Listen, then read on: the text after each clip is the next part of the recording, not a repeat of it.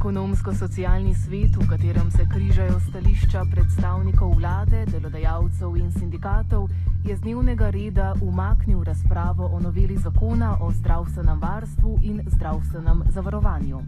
Za umik teme iz dnevnega reda so se odločili potem, ko je včeraj ministr za zdravje Tomaš Gantar dejal, da obravnava predloga ni smiselna, saj ni usklajena niti na ravni vladne koalicije.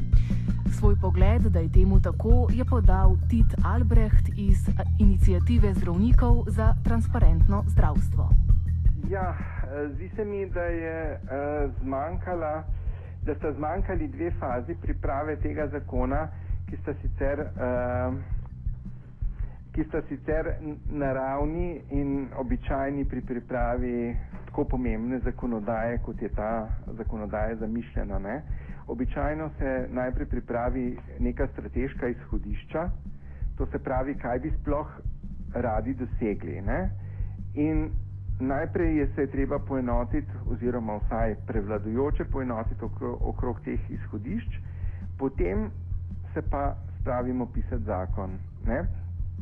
E, če se spomnimo recimo reforme pred leti, ki jo je predlagal takratni minister Keber, je dejansko cela reforma temeljila na reformnem dokumentu, ne, ne neposredno na zakonu. In je iskal soglasje okrog tega dokumenta najprej, preden bi se lotil zakona. Potem je seveda zmanjkalo časa in ni bilo potem nič uresničeno. Tako da mislim, da je ta faza zmanjkala in v tej fazi, ko se pogovarjamo o strateških izhodiščih, so potem lahko vključeni zelo različni partnerji. Socialni, uh, potem različni strokovni uh, partnerji, uh, različne skupine zaposlenih v zdravstvu, sploh ne mislim, da samo zdravniki, ampak tudi drugi, posebno takrat, kadar uvajamo nove programe.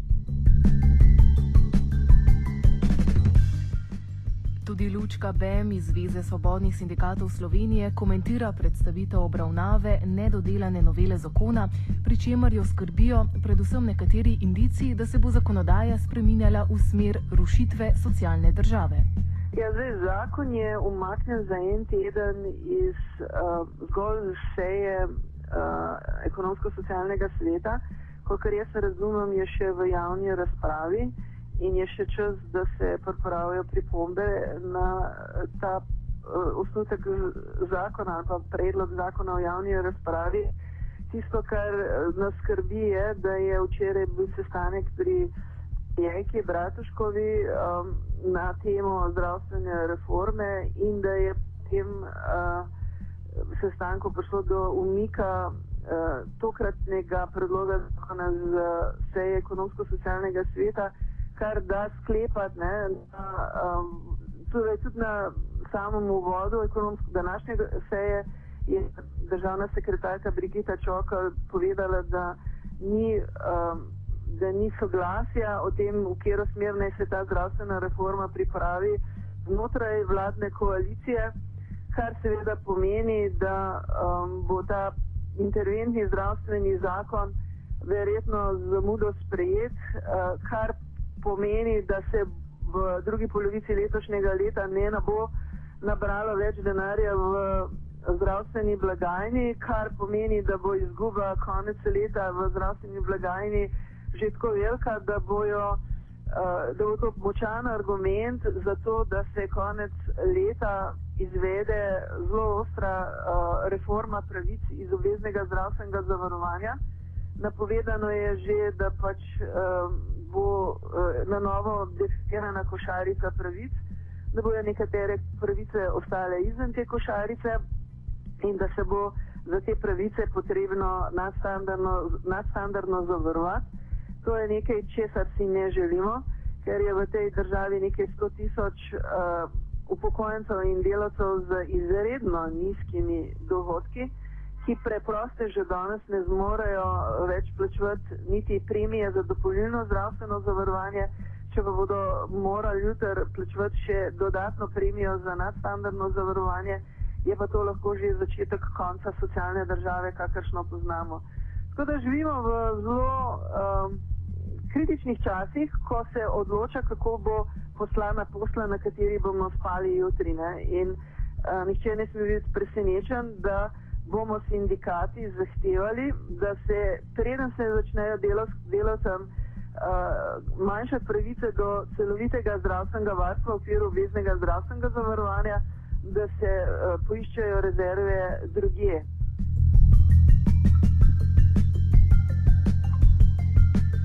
Možnih sprememb sistema zdravstvenega zavarovanja je več. Dosedanji v blaginjo ali ne prinaša dovolj, ali pa obstaja preveč možnosti za krajo. Stvar je glede na stanje zdravstva slaba. Albrecht o možnih strukturnih spremembah. Slovenija bo nekaj morala pač storiti, uh, ker uh, dosedanja ureditev dopolnilnega zavarovanja Eh, pač bo morala doživeti neko preobrazbo skladno z nekaterimi odločitvami Evropske unije.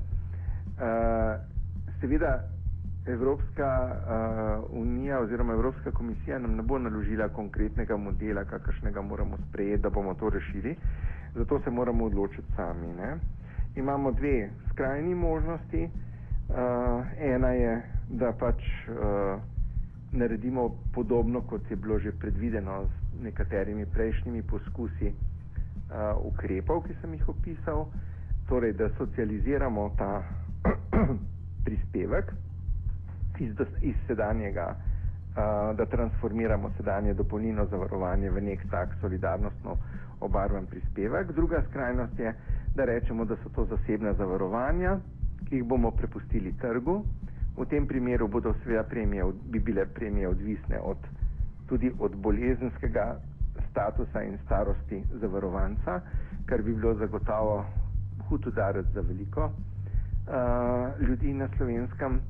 Uh, tretja varijanta pa je, uh, oziroma pa bi bila, če bi uh, pač uh,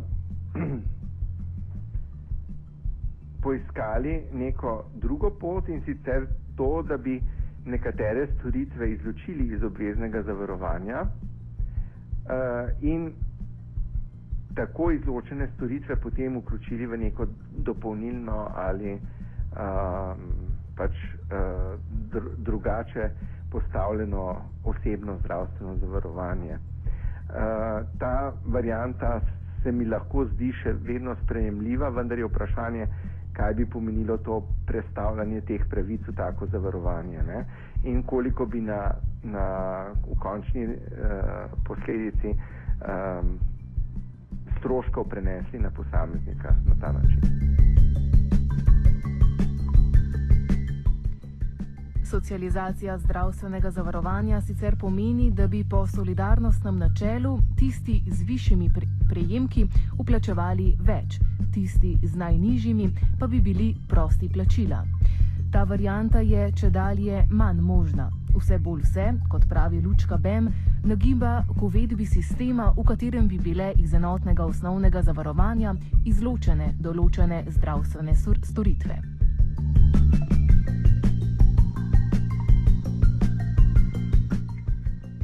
Tudi Aleksandr Doplihar, predstojnik ambulante Pro Bono, je kritičen do sedanjega sistema dodatnega zavarovanja. Sigurno je nekaj, da torej pri nas v Pro Bono ne prihajajo ljudje, ki nimajo zdravstvenega zavarovanja.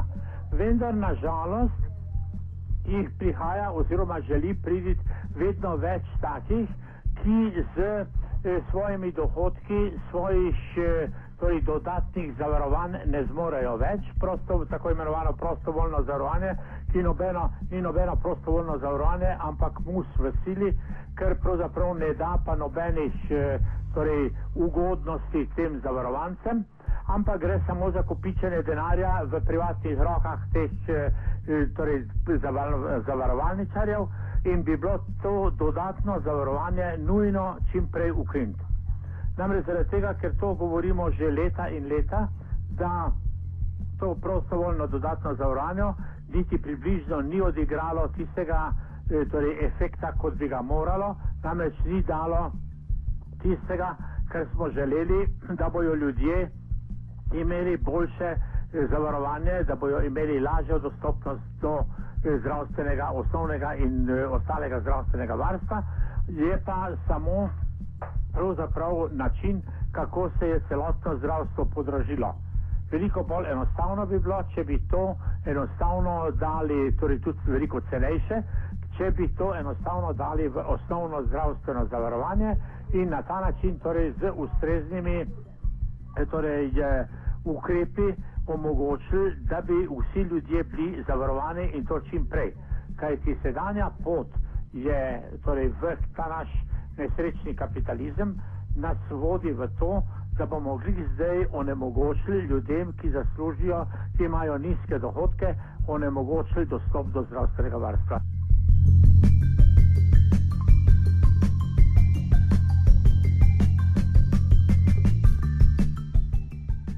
Albrecht nam v nadaljevanju predstavi nekaj glavnih točk pri načrtovani spremembi zdravstvene zakonodaje. Jaz bi se osredotočil na, na nekaj točk, ki, uh, ki mogoče najbolj izstopajo.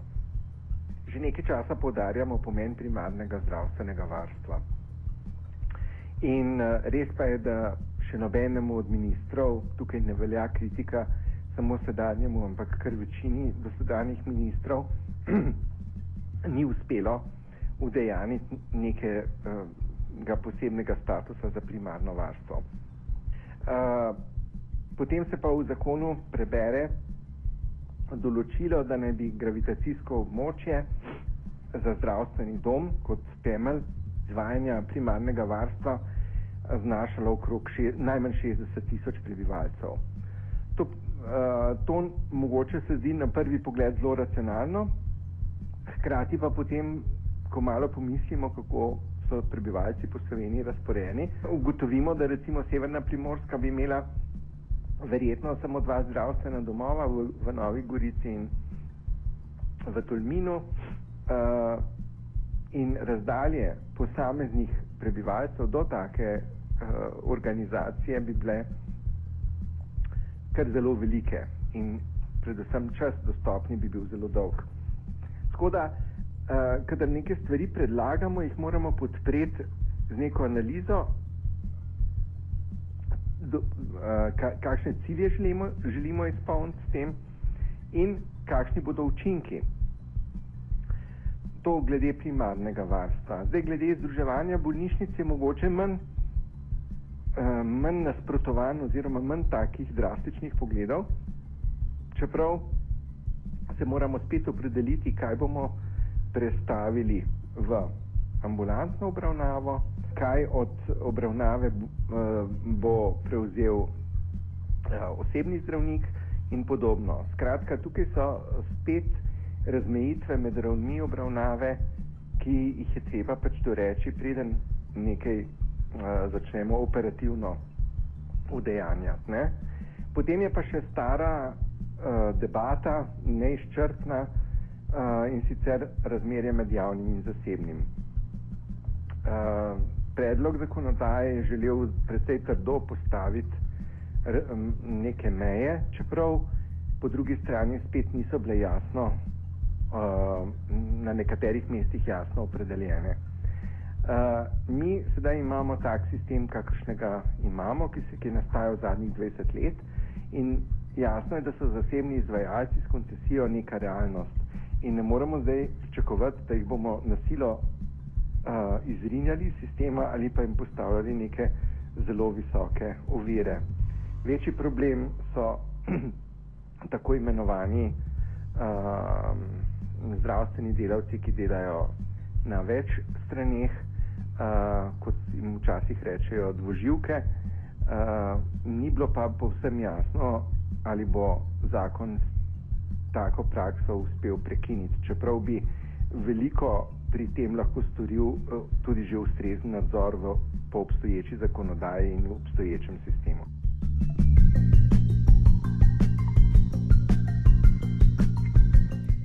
Doplihar kot največjo težavo sedanjega stanja zdravstva v Sloveniji vidi v nedodelanemu in profitu prilagojenemu privatnemu sektorju v zdravstvenih storitvah. Namreč gre za to, da sigurno je največja napaka naša to, da v zdravstvu dovoljujemo to, torej je neurejeno privatizacijo, ki vsekakor dela, torej omogoča ljudem, da ustanavljajo, torej znotraj svojega delovne organizacije ustanavljajo svoje SP-je in potem delajo za svojo delovno organizacijo. Ali drugače, torej iz svojega podjetja hodijo delati k konkurenci, kjer opravljajo enako delo kot v svoji torej delovni organizaciji, se pravi ne spoštujejo konkurenčne klauzule, s tem torej onemogočajo normalno delo svoji organizaciji in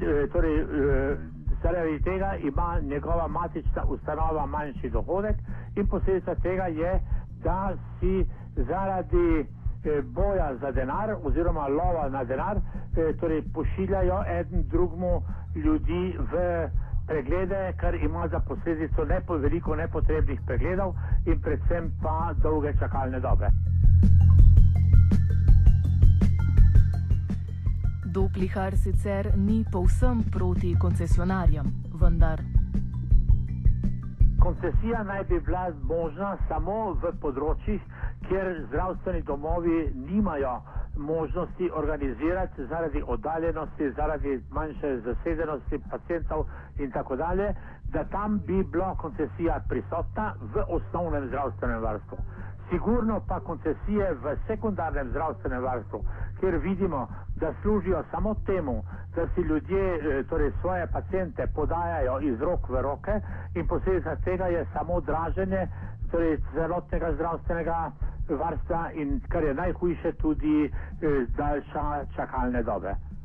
Čakalne dobe lahko mi skrajšamo samo na ta način, da koncesije v sekundarnem zdravstvenem varstvu prekinemo, jih torej prepovemo in v tem primeru bi potem sigurno dobili veliko bolj urejeno zdravstveno varstvo v sekundarnem nivoju, kajti ne bi prihajalo do tega prepošiljanja oziroma jaz tebi, ti meni, pacijenta sem in tja, oni hodijo od torej, vrat do vrat in končno veljavno torej, končajo na čakalni listi neke zdravstvene ustanove v javnem zdravstvu. In to ni prav.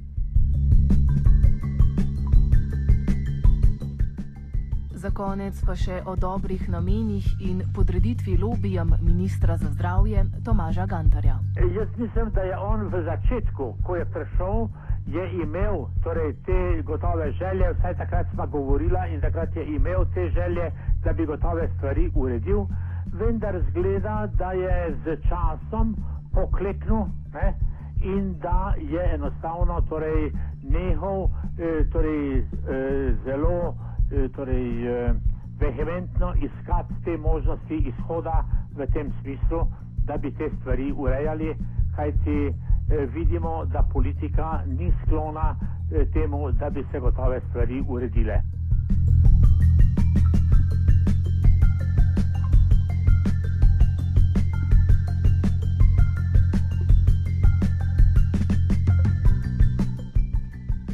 Kultivator sta pripravila Urh in Gregor.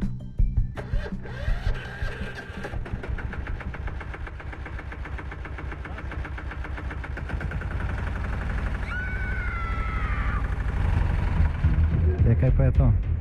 Ja, kultivator. Gre za neko vrsto apatije. To lahko reče samo kreten, noben drug. Socialni invalid in ga je nemogoče urejati. Drugi kandidat. Pa, pa pije, kadi, masturbira, vse kako ti lahko reče. Nihče tega ne ve. Vsak petek skultiviramo dogodek tedna. Lahko po kriterijih radio študent, težko pa po evropskih kriterijih. Ampak na drug način, kot vi to mislite. Kultivator vedno užge. Da pač nekdo sploh omenja probleme, ki so, in da pravzaprav sploh nekdo sproži dogajanje uh, v družbi. To drži, drži.